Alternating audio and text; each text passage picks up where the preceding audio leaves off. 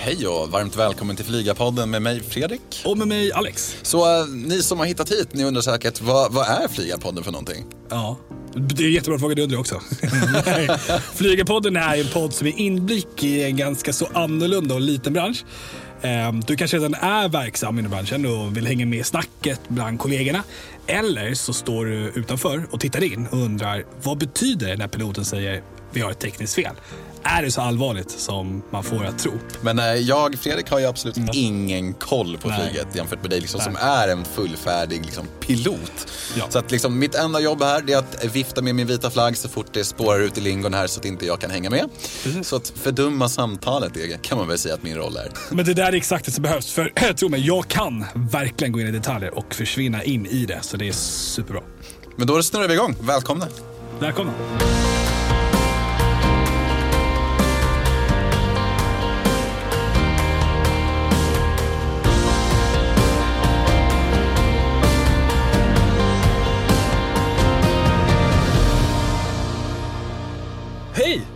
Alex! Hur är läget? Men det är bra, hur mår du? Härligt. Jo men tack, det är bara bra. Ny vecka. Bara bra. Verkligen. Verkligen. Och mycket som händer hela tiden. Absolut. Och ja. innan vi ska introducera gästerna så vill jag ändå checka av lite med dig. För det verkar ha hänt väldigt mycket nu på sistone. Mm, stämmer. du har väl lite koll på marknaden här inom EU. Så jag tänker, mm. alltså hur ser det ut nu då när man har lyft lite restriktioner och sådär? Precis, du tänker på hur det ser ut i flygmarknaden generellt liksom. Ja, ah, gud ja. Mm. Ja, det är en bra fråga eh, och det är en väldigt stor fråga och vi ska kunna sitta flera timmar och diskutera den. Eh, men eh, man kan ju någonstans säga så här att eh, jag läste en rapport från branschorganisationen Eurocontrol som är liksom ansvarig för att de tar in lite statistik och sådär, tittar lite hur det funkar. Eh, och de säger att eh, augusti nu som var, mm. eh, var faktiskt 71 procent i jämförelse i mängdtrafik jämförelse med augusti 2019. Och det är väldigt, väldigt bra. Alltså, vi har ju någonstans levt i den här pandemin nu i ett och ett halvt års tid. Och... Det var locket har ju verkligen varit på. Precis, extremt på. Och eh, vi har ju också sett rapporter från branscherna som har varit så här, ja, det kanske återhämtar sig 2025. Mm. Det var liksom best case. 2025 är vi tillbaka i 2019 nivåer och worst case 2029. Men branschorganisationen Eurocontrol säger nu att wow, det här verkar gå mycket, mycket fortare än vad vi hade förväntat oss. Och det är ju, det är ju fantastiskt positivt. Men hur ser det ut här för oss i Skandinavien då? Mm. Eh, men också väldigt bra såklart. Mm. Eh, Norge är ju det landet i sådana fall som är ju väldigt beroende av eh, infrastrukturen och då framförallt flyg eh, mellan liksom eh, eh, över bergen och liksom till öar och liknande. Eh, mer än vad danskar och vi i Sverige är beroende av det. Så att i Norge till exempel så, så, så ser det faktiskt väldigt, väldigt bra ut. Sverige, Danmark absolut är på väg upp Senaste nu fick vi höra att Arlanda öppnar upp terminal 2 igen. Mm. All trafik har varit på en terminal, så det är ett positivt tecken. Ja, det har verkligen varit bökigt där också. Det har varit mycket folk. Ja. Det har det varit. Framförallt nu när det börjar komma igång. Jag var ju och flög för några veckor sedan och det var liksom fullt där. Och mm. säkerhetskön är enorm också. Men, så det är jättekul att se. Men absolut, vi ser en ökning. Men tittar man jämförelse Skandinavien mot Europa så till exempel tar vi ett lågprisbolag, Ryanair. Eh, sista eh, dagen i september eh, här 2021 eh, jämförelse med september, sista dagen i september då, 2019 så ligger Ryanair bara på 9% mindre trafik än för två år sedan. Och det, ja, och det är ju så här, det är ganska enormt. Sen är ju frågan då, följdfrågan på den är hur väl lyckas de fylla eh, flygplanen med passagerare. Mm. Det, det, vet vi inte. Men det är ändå 9% av trafiken, så det är ganska enormt. Kontra här uppe i Skandinavien, ett, ett bolag som Norwegian som har haft extremt turbulent och tungt under pandemin. Mm. Så ligger de då här sista september på 58 procent cirka. Så då, där ligger vi liksom hälften. Då. Så att det är klart att det är ju en skillnad och jag tror att vi i Skandinavien är lite mer påverkade för vi har inte samma eh, flygmängd trafik då, som kanske nere i Tyskland och Frankrike. Men det beror återhämta sig i alla fall, så det är kul. Men när vi ändå är inne på Skandinavien så tänkte jag ändå kolla mm. med dig, för det har ju florerat en hel del här om SAS och Just det som kallas för midsize. Och, Just det. Alltså för mig som kanske inte förstår, vad betyder det och vad betyder det här för SAS? Ja. Ja men precis, du tänker på det här midsize-bolaget då som nu har, liksom, vi själva har skrivit om det här för några veckor sedan också. Mm. Eh, precis. Jo men förklaringsvis vad midsize är, eh, så är det ett mellansegment så att säga. Så att vi har flyg i ett eh, eh, lite mindre segment, kanske 80 stolar, alltså 80 passagerare. Eh, och så, så kanske vi har 180 passagerare. Mm. och då har man någonstans velat hitta en mid-size då och det är någonstans mellan 80 och 180. Och då landar vi ganska passande på runt 130-140 passagerarflygplan, alltså så många passagerare du kan fylla ett flygplan med. Men vad, vad kan man tänka sig att de flighterna går någonstans? Mm, det kan ju vara ner till Europa, ner på kontinenten och det kan även vara inrikes och sådär. Det som är fördelen och varför SAS har velat titta på det här är att SAS trognaste kunder är ju affärsresenärerna. Och en affärsresenär vill ju gärna ha mycket avgångar att välja på. Såklart. Så att du ska kunna åka till Sundsvall över dagen eller liksom ner till Köpenhamn. Liksom. Eh, lågprisbolagen, eh, men de kanske bara har en flight om dagen och då kan de fylla en lite större flygplan. För du ska vara i Köpenhamn en hel vecka. Vilken tid du landar, det spelar ingen roll. Nej, men, precis. men ska du hem på eftermiddagen så vill du hinna med ditt möte liksom, över lunch. Och då... Så för affärsresor? Ja, precis. Så det är väl främst det segmentet. Då. Eh, och det här gör ju någonstans liksom att ehm, jag vill påstå att SAS har varit tvungna att hitta efter den här marknaden. Framförallt nu också med Ryanair som etablerar sig inrikes i Sverige och Eurowings som etablerar sig och, liknande och andra aktörer som flyr i Norge och så, så, så jag tror att det här är SAS enda väg framåt. Men om du sitter här då med en spåkula då, vad, vad, tror du att du har att rapportera om, om två veckor då när vi hörs här igen? Är det något nytt på marknaden som du tror Ja, men alltså, så här, jag tror att vi, eh, vi ser enormt mycket här uppe i Skandinavien med eh, nyetableringar och, och nästan alla som etablerar sig. Eh, innan man ens har satt igång med det så går man ut med ny information om att nu ska vi utöka turerna och liknande. Mm. Så man säger så här, nu ska vi starta här. Mm. Men sen nöjer man sig inte utan så går det en vecka och så säger man att responsen var så bra så vi startar här också.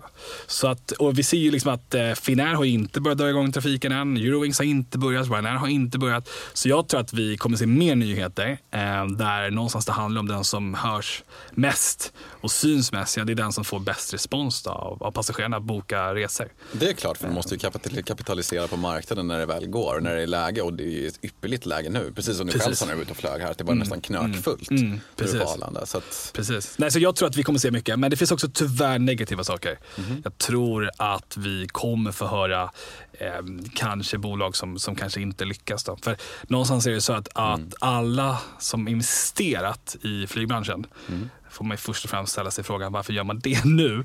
Men har man den tron på att det här kommer gå lyckosamt mm. så är det ju nu man pratar om att det är nu det är dags att börja visa siffrorna. Siffrorna under pandemin och innan restriktionerna hävts då, eh, går inte att titta på. Så just nu så är det upp till kamp för alla bolagen att verkligen leverera bra siffror utifrån vad de har lovat deras styrelse till exempel. Mm. Eh, och lyckas man inte med det här under Q4, eh, då, då tror jag att, att vi kommer tyvärr se in på nästa år eh, bolag som, som inte finns kvar. Då är det ju supermycket här, saker som kommer att hända här framöver i alla fall. Det är en sak som är säker. Definitivt. Men då är det väl dags för oss att uh, inte dra ut på det här mer utan faktiskt introducera veckans gäst. Så, Aj, uh... Gud vad spännande det här kommer bli. jag, jag är jättenervös faktiskt. Asså? Ja, jag tycker det är, det är nästan lite jobbigt faktiskt. Aha. Men vi får se hur det går. Jag litar på det. Ja, bra. Jo, precis. Veckans podcastgäst då. Är ju en dalmas som har fastnat i Kalmar. Mm -hmm. ja. Hon representerar 50% av en duo. Den andra befinner sig i London. Eh, man kan också säga att hon är medieentreprenör. Det är hon definitivt, skulle kunna titulera sig som det. Eh, och då, vem är det vi har? Jo, vi har Aida från podcasten Konspirationsteorier här. Wow! wow! Ja, hur känns det att vara här? Ja, men det känns väldigt roligt. Ja. Prata flyg. Prata flyg, precis. Ja. precis. Har du någon koppling till flyg? Någon familjemedlem som... Eh... Nej. Nej, Nej bara flygit själv. Eh, skulle du titulera dig som att eh, du är flygrädd eller skulle du säga att eh, oh, jag älskar att flyga? Nej, men jag tycker att det är kul att flyga. Mm. Men sen man startade med podden så har jag väl blivit rädd för terrorn kring flyg. Ah, okay. Ja, jag tycker det är lite läskigt med flygplatser och mm. Mm. den biten. Men mm. inte själva flygningen. Nej. Är det liksom, vad säger man, buller på planet så spelar inte det någon roll. Ah, Okej, okay. och turbulens och sådär? Nej, det Nej. gör ingenting. Nej. Det kan jag ändå relatera med, särskilt om man åker typ tunnelbana här i Stockholm just liksom på grund av det som har skett mm, tidigare. Man mm. blir lite nojig men sen så försöker man ju så här, ja. rationell med sig själv också. Bara, jag har åkt här varje dag hela Exakt, mitt liv. det kommer, det kommer inte hända. Liksom. Nej, precis. Men kan inte du berätta lite om dig själv? Var kommer du ifrån? Ja, det drog ju du lite där, men berätta din resa till att du själv startade podd. Ja, eh, kom ju från Borlänge. Mm. Eh, flyttade därifrån efter studenten och flyttade då till Kalmar för att hålla på med sporten drill med lite gymnastik, eh, danssport. Okay. Eh, sen så började jag plugga då och mm. träffade Vivi. Mm. Så vi läste tre år på universitetet där. Och då när vi pluggade så sa vi verkligen från början att vi ska sända studentradio någon gång under de här kul. tre åren. Ja, gjorde ni det? Det gjorde vi. Det var då, där vi startade podden då. Mm. Eh, och sen när vi hade gjort några avsnitt via studentradion så tänkte vi att nej men vi testar och skickar vidare detta. Så då skickade vi då till Radioplay och sen så har vi kört podden genom dem då sen ja. dess. Superhäftigt. Ja. Wow. Ja. ja, det är lite, det är lite häftigt ju. Eh, och, och Vivi då är ju din eh, kompanjon då. Ja, eh, precis. Som är i London. Jag tänkte så här, Aida du är här för att prata om en, eh, ett haveri. Ja. Helios flight 522, mm. även kallat spökplanet. Ni gjorde ett avsnitt om den när ni liksom presenterade och sen så diskuterade ni också det lite olika konspirationsteorier och sådär kopplat till det. Eh, Fredrik är ju då lite flygrädd. Mm. Och vi ska ju bota hans flygrädsla. Det är ju liksom mitt långsiktiga mål i livet. Eller ett av två mål i livet som jag har är att bota hans flygrädsla. Jag vet inte om det här kommer riktigt hjälpa Nej. mig med att bli av med det. Jag, liksom. jo, men, eh, spökplanet jo, Jag liksom. tror det. För om man någonting, nu kommer jag säga någonting som jag egentligen borde avsluta med. Men varje incident eller accident, liksom haveri som händer så kan man ta extremt mycket lärdomar för mm. att det inte ska ske igen. Mm. Och just den här incidenten, eller liksom haveriet, är just en sån eh, som, som vi studerar och som vi pratar om också i utbildningssammanhang för mm. blivande piloter. Mm Så att, eh, det är nog väldigt intressant. Så jag tänker att det här är helt rätt att vi ska göra för att bota din flygrädsla. Jag tar det som ett steg på vägen. Mm. Bra.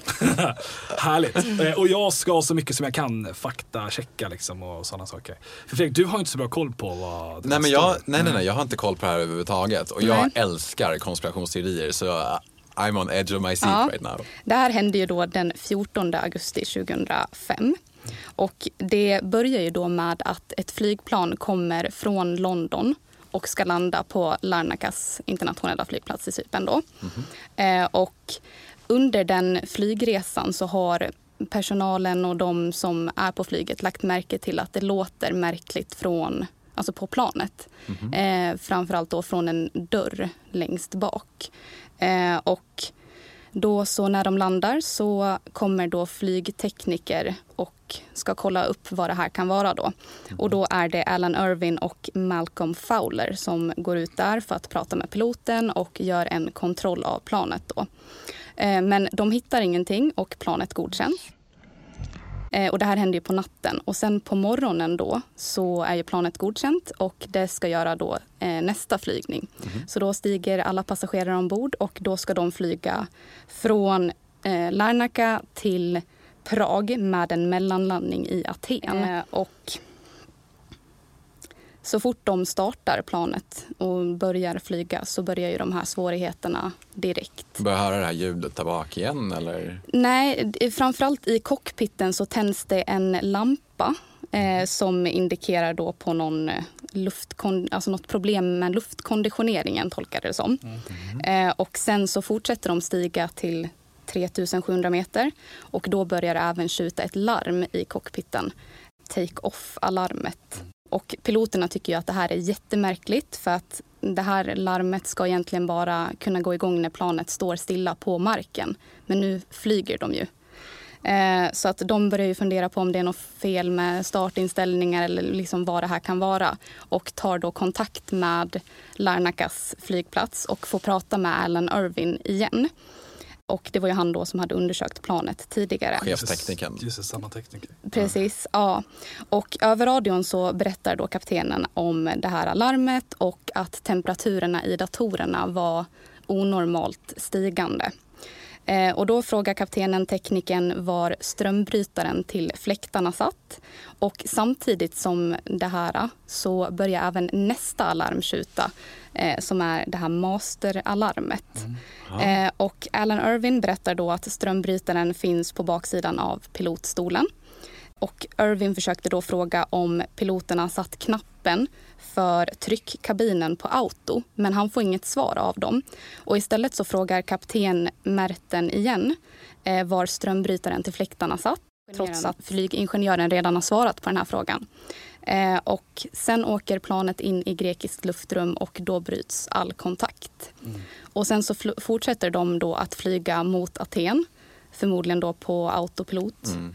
Eh, och när de kommer till Aten då så börjar planet cirkulera ovanför stan innan bränslet i motorerna tar slut. Mm. Men då på marken så börjar ju, alltså flygplatsen i Aten, de är ju oroliga, de fattar ju ingenting. De får ingen kontakt med planet, ingen svarar, de försöker hur många gånger som helst. Det de måste skicka upp militären också för de ändå är ovanför en storstad. Det är det som händer. Grekiska försvaret kopplas ju in och de skickar upp jaktplan för att på marken börjar man fundera på om det här rör sig om en terrorattack.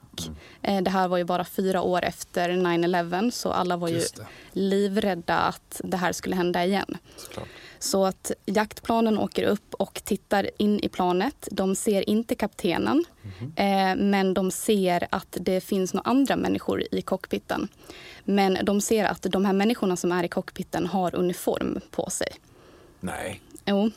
Alltså militäruniform? Nej, eller? alltså mm, flyg... Kabinpersonal? Ja, precis. Och sen strax efter klockan 12 då så kraschar planet för då tar bränslet slut och ja, fyra mil norr om Aten. Oj. Ja, alla 121 personer omkom. Men alltså, om vi kollar på vad, vad de säger tror har hänt om vi först kollar på konspirationsteorierna och sen så kanske vi får, du får mm. försöka sticka hål på det hela. Mm. Vad, vad säger de liksom? Med tanke på att de ändå såg personal som var framme i cockpiten när de var uppe och mm. kollade in i planet? Alltså det var ju egentligen när de såg att det befann sig personal där som de tänkte att det inte rörde sig om någon terrorattack. För då hade ju de kanske haft, alltså varit vanligt privatklädda. Mm. Men det finns ju ändå folk som är skeptiska, skeptiska till den här förklaringen mm. och tänker att om vi säger då att det grekiska försvaret då övervägde att det handlade om en terrorattack mm. så kanske det här med att bränslet tog slut bara är någonting som de har hittat på för att de då sköt ner planet. Mm. Okej. Okay. Men var det någon så här viktig person på listan i, av passagerarna till exempel? Som det vet de jag faktiskt i? inte. Nej. Det kanske bara var renodlad terror. Att mm. Mm. de ville förstöra Aten där på något sätt. Mm. Mm. Mm. Inte, alltså, så här, jag tänker ändå under den tidsserien, det var väl ändå då som det var riktigt, riktigt stökigt i Irak. Mm. Och ja, ja, ja. Alltså, det skulle inte vara helt, ot inte helt otänkbart. Hade vi inte också eh, i, på något tåg i Spanien eller var det Londons tunnelbana? Man Just det, det var också London bombings. Men det var där omkring också. Jag, jag, vet inte. Men det var mycket terror de åren som liksom var i medialuften. Men det var, också. Exakt, det var ju verkligen känslan. Eh, efter just. Vi hade någon skobombare på ett flyg i USA. Alltså det var väldigt, väldigt mycket som hände. Mm. Så jag tror att rädslan eh, och diskussionerna kom efteråt 9-11 om skulle man ha skjutit ner de här flygplanen. Det är en, ett, alltså en, en etisk fråga. Det är verkligen det. Eh, så jag förstår vad du menar. Att, okay, det kanske inte var en terror, men man visste inte. Man fick inget svar. Man fattade beslut på att okej, okay, men vi skjuter ner dem där de är i svängen. Mm. Um, Mm. För det andra med bergsvanten, det är ändå fem miljoner annars som bor i Aten. Jag har ja. själv bott där två år. Liksom. Så, alltså det är mycket folk. Liksom. Men just precis som jag, sa, som jag frågade, bara, men vad, tänker på bostäder och människor under liksom, på marken när de klarar sig. Att du sa att de var i bergen känns ju lite väl tajmat. Mm. Ja, Förstår absolut. Ni, liksom, Mm. Mm. Så det vore inte alls konstigt om det faktiskt vore försvaret. Nej, men att man inte vågar säga att vi gjorde det. Nej, nej, nej, nej, nej, nej, gud nej. Mm. Men det går ju liksom inte att erkänna. Det kommer ju komma så här, säkert så här 50 år fram i tiden när liksom regeringar kan börja så här, deklassificera information. Liksom. Mm. Ja. Det är första teorin. Vad är andra?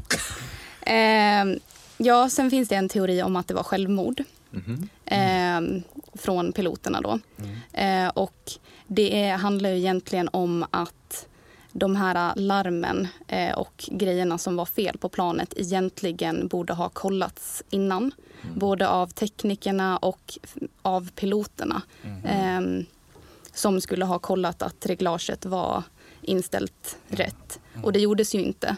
Och det finns ju någon form av nördchecklista också mm. som man följer och det följdes ju inte upp. Nej. Och därför Nej. har ju folk börjat tänka att liksom det är för många alltså slarvfel mm. för att det ska kunna vara Legitimt, en olycka. Liksom. Ja, precis. Mm. Mm. Men hittade de svarta lådan?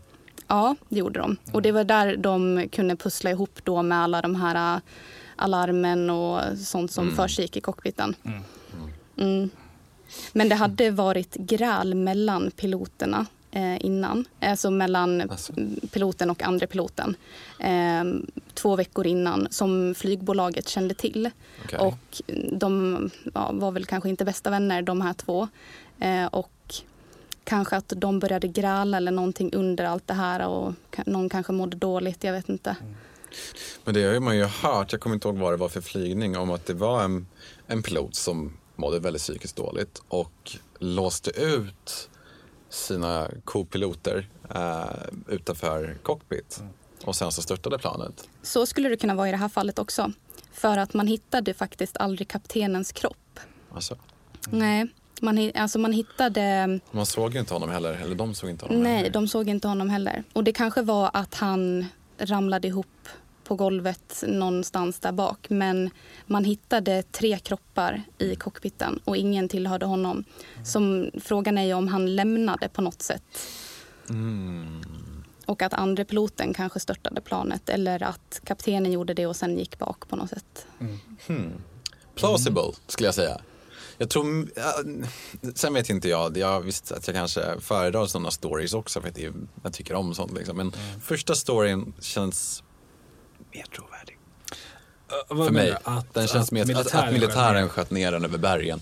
Just för att det är ändå så här, det är fem miljoner människor under oss, mycket terror som sker runt omkring. Mm. Vi måste ta action innan mm. vi gör en egen 9-11 utav det. Mm. Jag, jag vet inte, jag lutar mest åt den hittills. Mm. Version nummer ett. Ja. När ska jag komma in med... Ja, du får komma, du får komma sen. Ja. sen.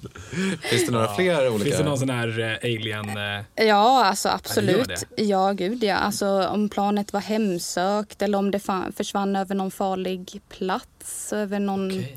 Det finns ju så här Bermuda-triangeln, ah, kanske ni har hört talas om. Ah, det, det är långt ju, från Aten då. Det finns faktiskt fler sådana trianglar i vattnet. Gör det? Alltså ah. som är liksom farliga platser. Vile vortices kallas det. Um, Ja, det finns faktiskt inte någon sån under där, Nej. har jag kollat upp. Men det kanske var att de åkte in genom någon portal, kanske reste i tiden eller Oj, hade man kommit sånt. så långt? Ja, eller att det var någon mm. alien-attack av något slag. Just det. Ja. Men det här med att det var hemsökt, för det benämns ju oftast, som, som du har berättat för mig i alla fall, som ett hemsökt plan, liksom, ja. när man pratar om det i folkmun. Mm. Hur kommer det sig att det skulle vara hemsökt? Vad, vad, vad finns grunderna för det, tror du? Ja, alltså, svår fråga egentligen. För att man kallar ju det för spökplanet just för att det flög de här tre mm. timmarna mm. utan kontakt. Ah, ja, ja, ja, ja, Så att det är väl på den vägen. Ah, mm. Men det, kanske var hemsökt sen tidigare för det här planet hade ju varit med om en hel del innan. Ja, mm. Alltså, ja, mycket tekniska problem och liknande. Ja, precis. Sånt som kanske händer lite för ofta för att det ska vara. Ja, men nej, alltså jag skulle vilja påstå, alltså, nu, nu kan jag inte, nu kan jag inte vara tyst längre. Jag har så mycket att kommentera på allt. Men om jag ska välja en sak att kommentera så är det just liksom att det är så vanligt att, att eh, det är alltid, alltså flygplan är, det är mycket knappar, det är mycket teknik och mekaniskt och liknande det är liksom så att ibland det är inte alltid allting funkar. Det är väldigt sällan som allt funkar som det ska. Gud vad läskigt. Ja, men det, och det är fortfarande helt okej. Okay. Vi kan flyga med, liksom, vi behöver knappt en Vi klarar oss med en motor, liksom, av två. Så att det, är så här, det finns så mycket extra och liksom allting sånt, så det är ingen fara. Men det någonstans handlar mer i den här frågan kanske om att underhållet på mm. flygplanen kanske inte var jättebra. Och det är snarare det då som, eh, så det, här, det här var nog inget så speciellt flygplan som var så här hemsökt i form av att det var bara en tidsfråga. Utan mm. det var nog mer underhållsmässigt kanske. Mm. Och det är ju faktiskt också en teori ja, just kring underhållet. För att um, ja, men det hade ju varit med om så många grejer innan. Mm. Och varför skaffade de inte bara ett nytt flygplan? Mm. Det känd, alltså, för I mina öron låter det lite mm. som att man försöker silvertejpa ihop ett plan som inte borde användas. Mm. Och varför använder de det om det var så pass trasigt? Mm. Det känns som att den här olyckan, alltså, att de kanske försökte täcka upp för sig själva. Eller att de kanske inte kunde laga planet egentligen på, på Cypern då, utan man bara, men vi måste köra den liksom, till mm. fastlandet liksom, för att kunna åtgärda det här. Ja, men det måste gå en sista lilla, lilla tur liksom, så vi skickar ut personalen för att, som du säger, silvertejpa ihop den. Mm, liksom. Mm. Ja, det finns ju bra rutiner för det där. Du skulle aldrig få flyga en passagerare. Däremot är det tillåtelse att flyga med flygplan som knappt inte funkar till då en, en verkstad. Eh, men då har du inga passagerare ombord. Nej. Det, är, det är en person som är ute på ett kamikaze-uppdrag. Liksom. ja, men typ. Fan, är du eller planet? Liksom, kör. Exakt. Men det här med silvertejp är ju, det är ju, det är ju standard. Det är ju liksom den bästa uppfinningen någonsin, silvertejp. ja, men berätta först, vad hände först då? Liksom? Vad var första... Varningstecknet. Liksom, precis. Eh, ja, men det var ju den här äh, lampan i cockpiten som, som tändes. Och, och den sa? Den sa att det var problem med luftkonditioneringen ombord. Mm. Men sen började det här äh, alarmet, take-off-alarmet tjuta mm. Mm. som egentligen bara ska gå igång när de är på marken. Men vad de inte visste var att det var inte take-off-alarmet utan det här var egentligen en höjdvarning.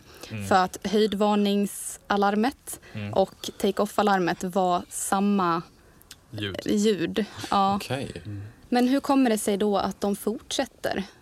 Upp i luften? Ja. Mm, precis, och att de inte riktigt förstår vad det är för någonting liknande. Mm.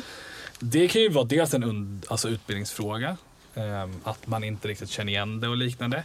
Men jag tror att du är inne ganska snabbt på det också där med att de ropar upp teknikerna och teknikerna eh, frågar en fråga. Mm. Och de svarar inte på det utan de börjar titta liksom förmodligen bakåt på då circuit breakers som säkerhetspanelen. Mm. Efter det här eh, kyla rummet där ja. som det var liksom problem med. Eh, så vad de, på grund av det så förstår man att det är någonting mer. Och den uppfattning jag har fått är att teknikern själv förstår kanske vad som är på väg att hända. Och det är att de är ju helt eh, confused.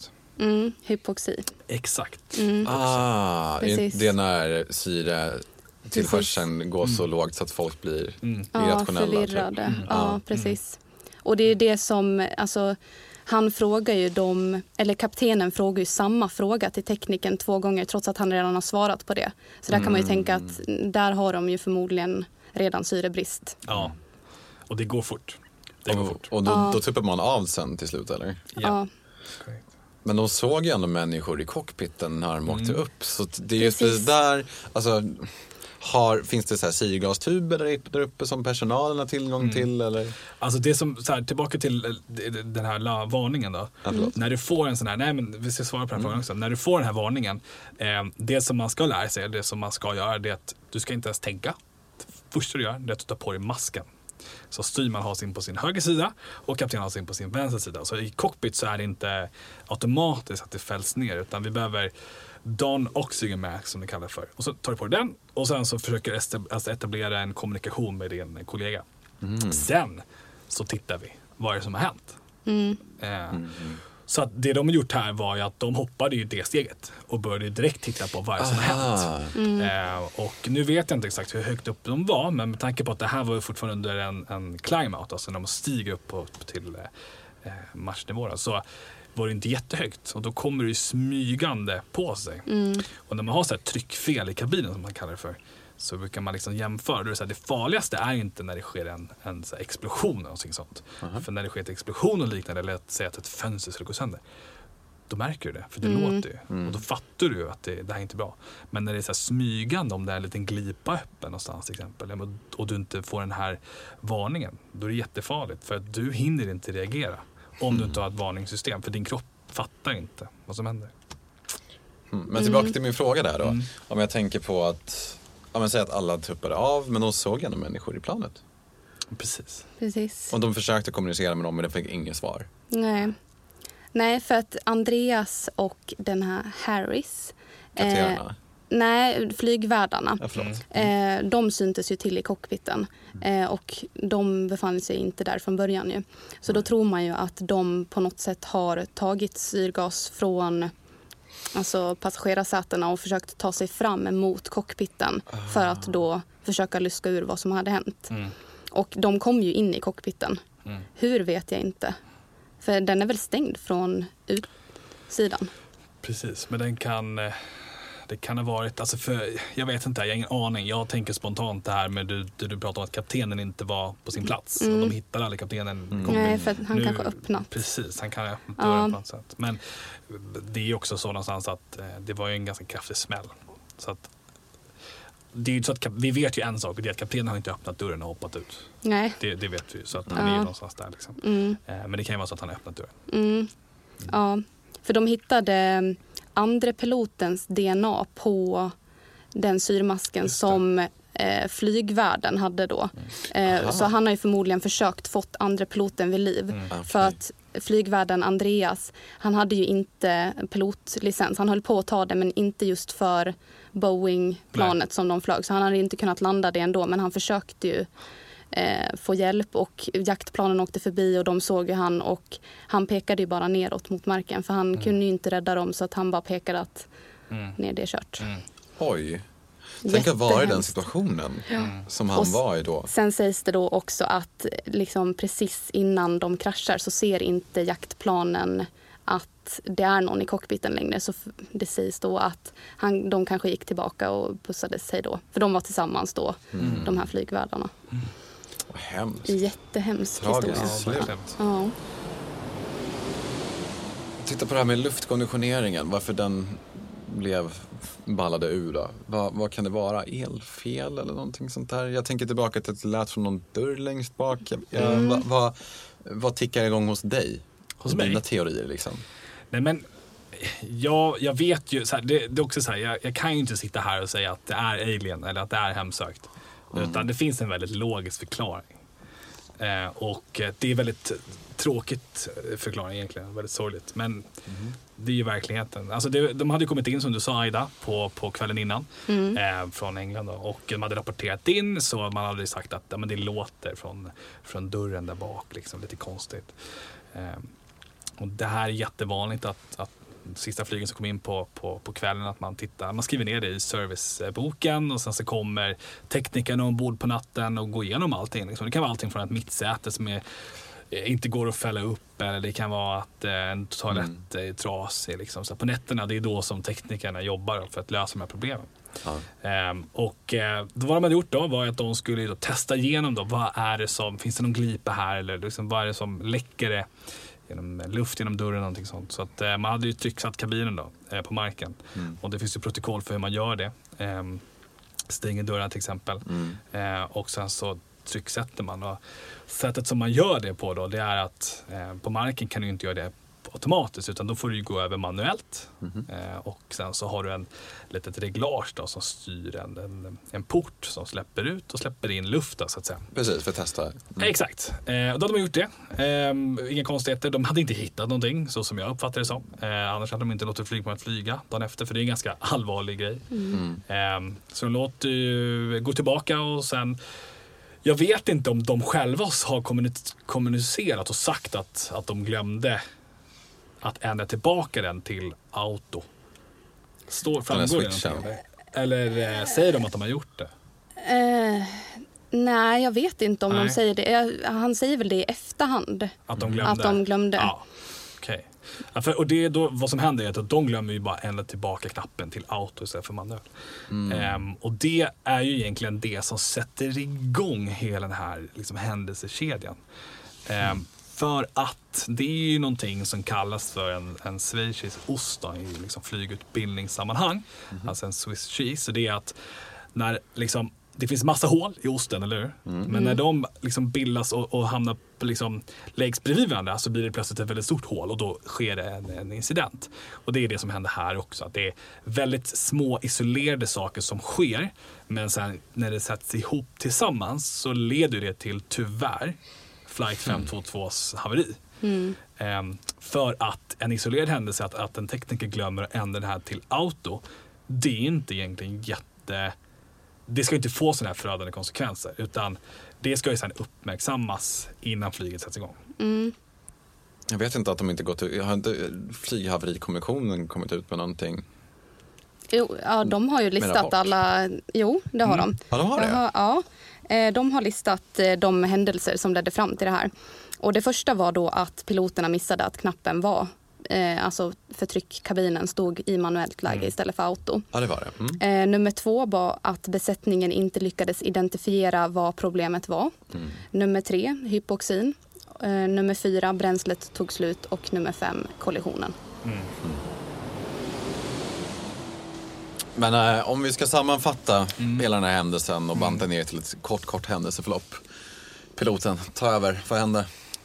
Ja, men det var ju det som vi snackade om det här med att det fanns flera olika saker som tyvärr inträffade.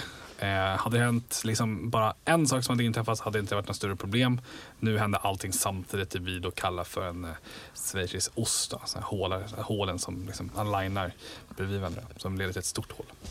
Eh, men teknikerna borde ju ändra tillbaka till auto. Eh, piloterna borde ha uppmärksammat det under checklistorna innan start efter starten, när man får en, en take-off config warning, så borde man ha förstått att det första vi gör är att vi tar på masken för syrgas mm. och sen löser vi det här.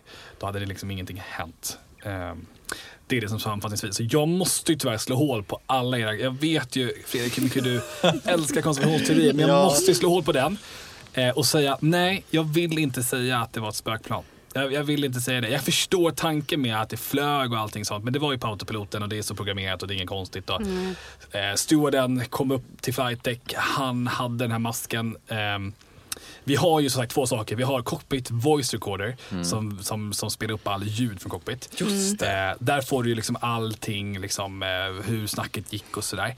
Vad är det för, vad är det för eh, varningssystem som gick igång och så. Och sen har du ju då eh, FDR, alltså Flight Data Recorder, den svarta lådan då, som är egentligen orange. Mm. Så vi har ju hittat de här två. Och det mm. gör att vi vet nästan exakt vad som hände. Att flygplanet sköts ner också, mm. nej.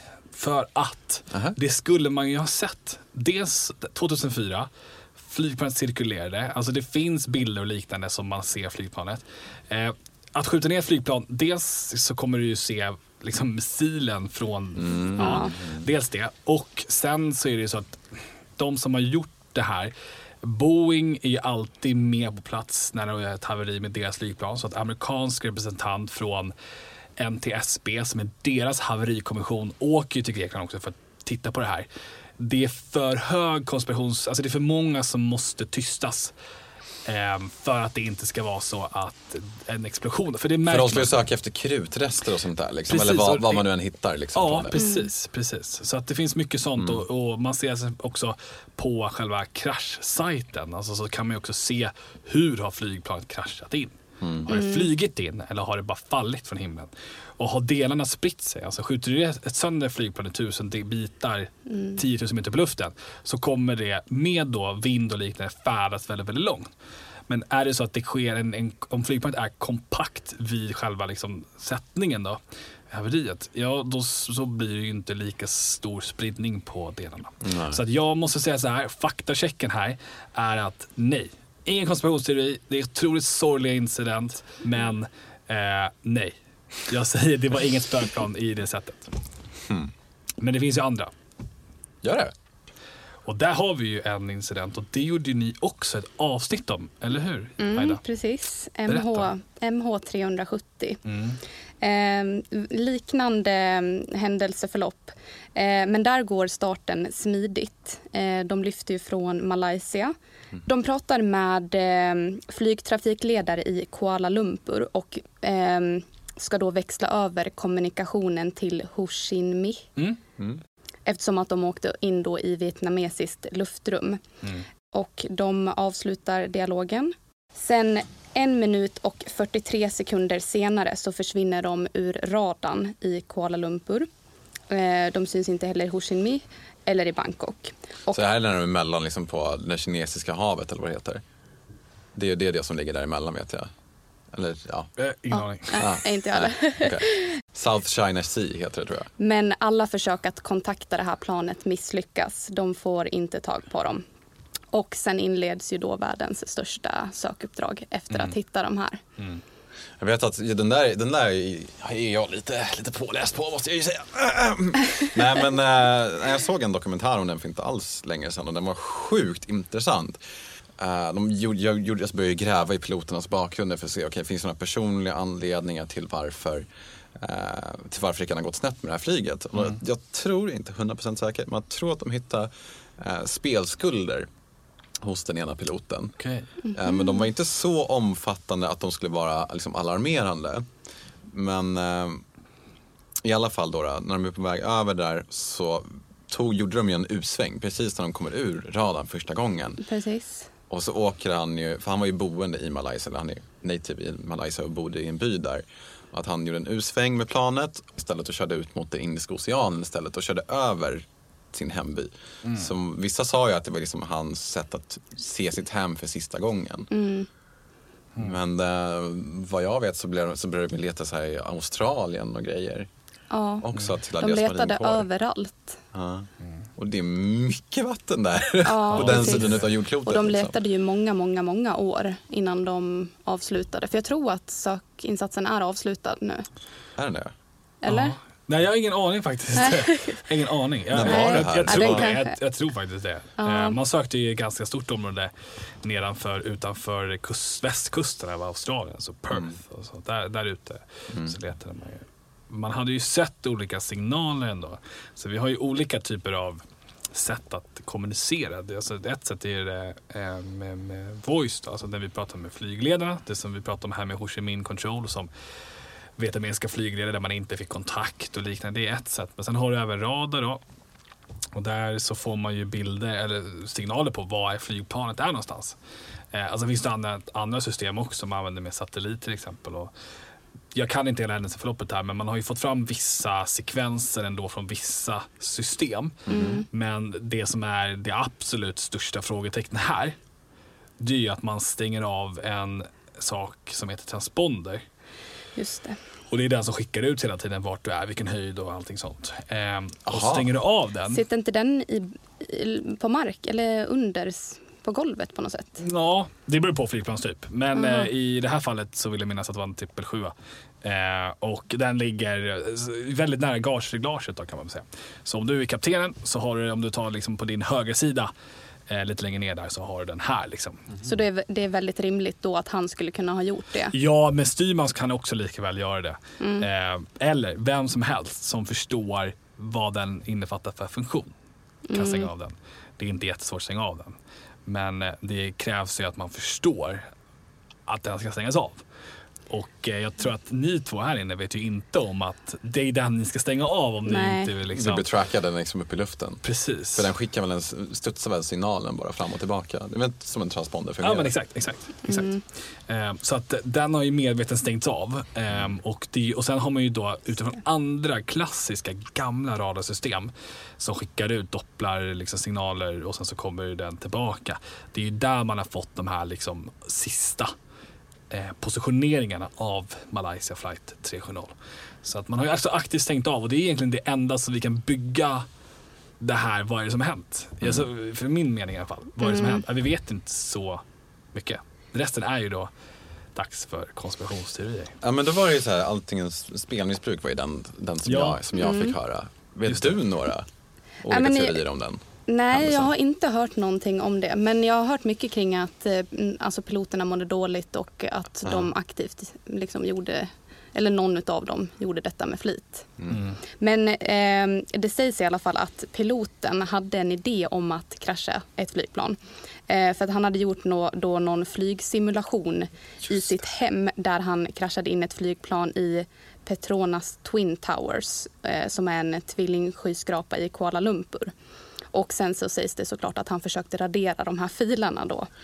Just det, är det förlåt, det var inte alls spelmissbruk utan det var precis, precis det. Ja, Just precis. det, att han satt hemma och övade samma flygning och sen så körde han in det i, i någon stadsmiljö eller ute mm. i havet eller bara gjorde någon så här förödande, något förödande avslut på det istället för att faktiskt landa precis. planet. Ja. Mm den är ju inte alls helt otänkbar i sådana fall. Då bygger man ju ändå upp för det om man ändå övar. Mm. Om man gör det en gång, fine, vad, vad vet jag, maten var klar, han behövde gå på toa, vem vet. Uh, men om man gör det medvetet flera gånger och försöker dölja sina spår. Ja. Det känns lite suspekt. Japp. Ja, jo absolut. Eller vadå, hur många gånger har du kört fly flygsimulator och krockat plan? Liksom? Nej, nej, nej, absolut inte. Men eh, jag vet inte, han kanske, han kanske hade barn och så kanske var barnet som hade datorn och latchade ja. runt där. Och, alltså, Men är det så enkelt så att ett barn kan faktiskt liksom köra yes. den? Ja, det är klart han ser ett spel. Ja, okay. Alltså det här var ju inte en simulator i form av alltså, tränings... Eh, simulator. Det här var ett dataspel liksom, som kostar 199 spänn. Liksom. Mm. Nej, det kostar lite mer. Men eh, jag tänker så här, ja nej men jag vet, jag har också läst det där och hört det där och det kan ju mycket väl faktiskt vara så att man har, och det är väl det som, som gör det här lite mystiskt då. Eh, att man har hittat de här filerna, att man har liksom, han har försökt göra det här. Eh, spär ju på sådana här saker. Mm. Men just att han verkligen försöker städa bort spåren som sagt. Ja. Det mm. tycker jag låter suspekt. Mm. Liksom. Mm. Ja, och att du behöver känna till flygplanet för att veta hur du ska kunna stänga av. Mm. Det är också en sån här grej som är ganska... Det finns faktiskt en teori att han låste ut andra piloten mm. och stängde av den. Mm. Så att det var piloten då. Vad finns det för belägg? Det är bara en teori. Men vad har man någon bevis för att, att han har stängt ut andra piloten? Eh, det var väl om att när de hade sista radiokontakten där med flygplatsen som de lyfte ifrån. Så, nej, jo, jag vet, jag, jag fan med. Jag, nu sitter jag ju också bara... Men jag tror att man tänker typ så här, okej, okay, varför har inte Styrman agerat? De är ju inte på det här mm. tillsammans. Ingen av dem tänker att nu ska vi göra det här tillsammans. Utan nej. Då har ju förmodligen Styrman, och det är jättevanligt att man går ut och kanske inte befinner sig i cockpit utan man eh, kan gå ut och gå på toaletten och liknande. Så att, eh, det är klart att det kan, det kan väl ha varit så. Ja, att mm. han låste ut han. Mm. Men vad tror vi då? Vad, alltså, tror vi att flygplanet ligger... Eh, alltså för jag vet, där var det ju konspirationsteori att flygplanet är någonstans. Att det har landat någonstans. Eh, eller liksom att man har tagit sig någonstans och liknande. Ja, eh. eller att de åkte in genom någon portal eller... Där kom den där portalen fram igen. Ja, precis. För att de, alltså, alla delar till planet har ju faktiskt inte hittats. Nej. så att det kanske bara var någon liten del som fastnade kvar i vår värld och att de åkte in genom någon ja, tidsportal eller försvann till någon annan dimension eller ja, något sånt. Man kan verkligen komma eller långt liksom. Att aliens återigen tog dem. Det är det som är de teorierna. Liksom. Det dyker oftast upp samma teorier när det mm. är olika katastrofer. Det mm. finns liksom inte så många olika Nej, logiska det, eller paranormala. Aliens känns alltid som en go-to när man inte riktigt vet vad man ska svara. Aliens. Ja, aliens, precis. Var aliens. Mjölken är slut. Aliens. Ja. Ja. ja. Det är som Bosse sitter där och bara liksom... Ja, oh, gud vad långt fram. Det känns som att Bosse sitter där och bara liksom... Ja, nu är det dags. Alien. Nu vill jag få det sagt. Men jag, jag förstår att det är samma teorier. Och så här. här är det ju så att vi har ju inte hittat flygplanet. Den, jag måste säga att jag är övertygad om att den ligger inte på en annan planet. Utan den ligger ju på havets botten mm. någonstans. Mm. Um, och uh, förhoppningsvis en dag så kommer vi hitta den av en slump. De körde väl med radars också när de var ute och letade där med Aust Australien och ja. så vidare uh, mot botten för att se om det faktiskt låg någonting där. Mm. Eller om man letade efter oljespill och sådär. Men de mm. hittade ju ingenting. Nej. Nej. Men jag vet inte hur stor yta har tittat efter. Men, den var men, väldigt stor vet den jag. Den var väldigt stor, men allt är ju relativt. Jo men såklart. The ocean is vast liksom. Exakt. Mm. Så frågan är, har man letat överallt. Jag vet ju att nu är det en jättedålig jämförelse. Men eh, jag får ständigt kritik att jag letar dåligt. För mm. jag öppnar kylen och så säger jag nej det finns ingen mjölk. Och så mm. min sambo säger jo men den finns visst där. Mm. Eh, så att jag säger inte att de har letat dåligt. Jag säger bara att eh, någonstans är det, så här, det är nästan till omöjligt. Och det kostar så otroligt mycket pengar, det tar så lång tid. Mm. Um, så jag tror snarare att det handlar om att, eh, och, och, samma sak här, är att de här eh, systemen, alltså svarta lådan som vi kallar det för, mm. den skickar ut signaler den kan hålla sig en viss stund. Mm. Det är inte så att mm. den fortfarande fungerar idag. Nej. Så att den, så här, det finns ingen idé. Hittar vi den så kommer vi ändå inte kunna veta så mycket mer om det tekniska. Däremot så kommer vi kunna förstå mer. Mm. Eh, utifrån då, ja men okej, okay, är syrgasmasken där nere? Eh, för en teori har ju varit att det har brunnit ombord och att det har blivit en kortslutning. Ja, mm. precis. Eh, och det är så här, jag vill också någonstans så här, det är ju ingen som är dömd för det här och liknande. Så det är någonstans fortfarande så här, det är helt öppet. case egentligen. Mm. Så vi vet ju inte. Och det kan ju faktiskt ha blivit en kortslutning, transponder har stängts av.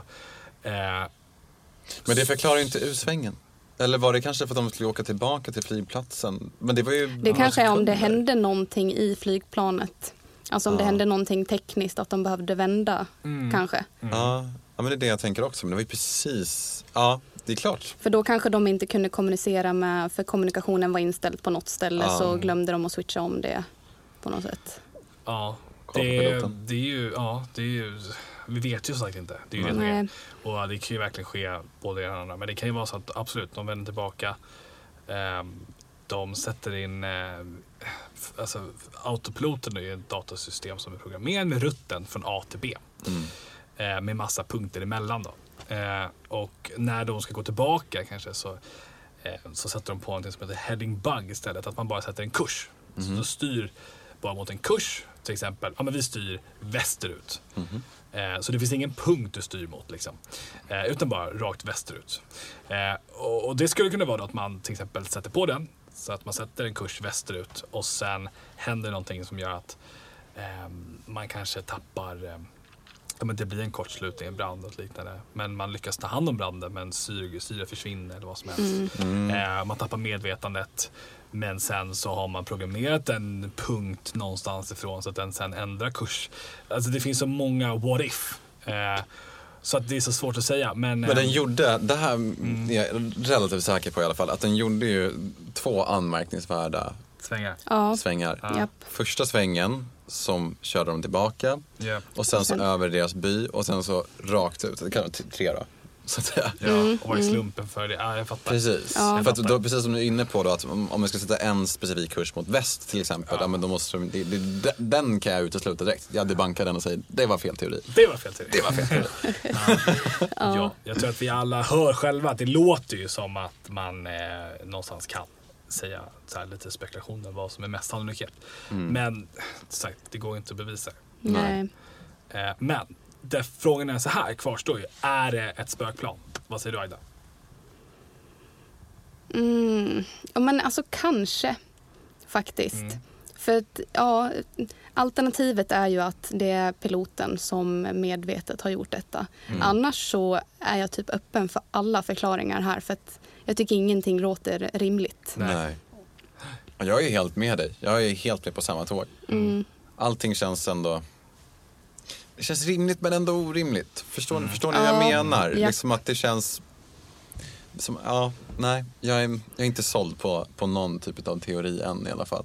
Annat än att tyvärr tror jag absolut att planet ligger på havsbotten någonstans. Yeah. Det, det är min mm. övertygelse. Men förstår du skillnaden där med om vi jämför då Helios flight 522 mm. med eh, Malaysia flight 370. Eh, att ja, det som då tituleras spökplanet, alltså mm. Helios flight 522 kanske inte är ett sånt spökplan. För det finns så mycket fakta. Vi har liksom mm. allting. Så att mm. där kan jag säga, nej, det går inte att basera några konspirationsteorier på det här. Nej. Men vi kan sätta fokus och perspektivet på flight eh, 370 från Malaysia. Mm. Att ja, där vet vi inte så mycket. Där kan vi bara spekulera. Eh, och då kan jag säga så här, ja, vill man då tro att det är alien och liknande, liksom, då är, då är det den flighten liksom. Kör det. Ja, men, ja absolut. Tills dess att vi hittat det. Ja, ja, exakt. För det är väldigt, väldigt, väldigt, väldigt ovanligt att vi inte hittar flygplan som har havererat. Härligt. Vi måste tacka att du ville ta dig hit hela vägen från, från Kalmar. Ja. Fantastiskt kul. Stort tack att jag fick komma. Eller komma hit och styra lite konspirationsteorier. Ja, det är så välkommen. Jag älskar sånt här. Ja. ja. Nej, men jättekul att, vi, att du var här. Eh, att du ville ta de här konspirationsteorierna med oss. Eh, jag är ju, som ni märker, det är väldigt svårt att, att få mig att att tro på, på aliens och sådana saker. Eh, så jag Tills du är motbevisad. Så det är väl bara ja, absolut. med tiden. Men kom och ge mig ett bevis då. Time will tell. exakt. Ja, exakt. Men vi tackar så mycket att du ville vara här. Och vi ser fram emot att höra mer poddar från er. Och var hittar man det någonstans? Ja, där poddar finns. Där poddar finns, ja, precis. precis. Mm. Just det. Konspirationsteorier heter den. Ja. Mm. Tack så hemskt mycket. Tack själva. Bra.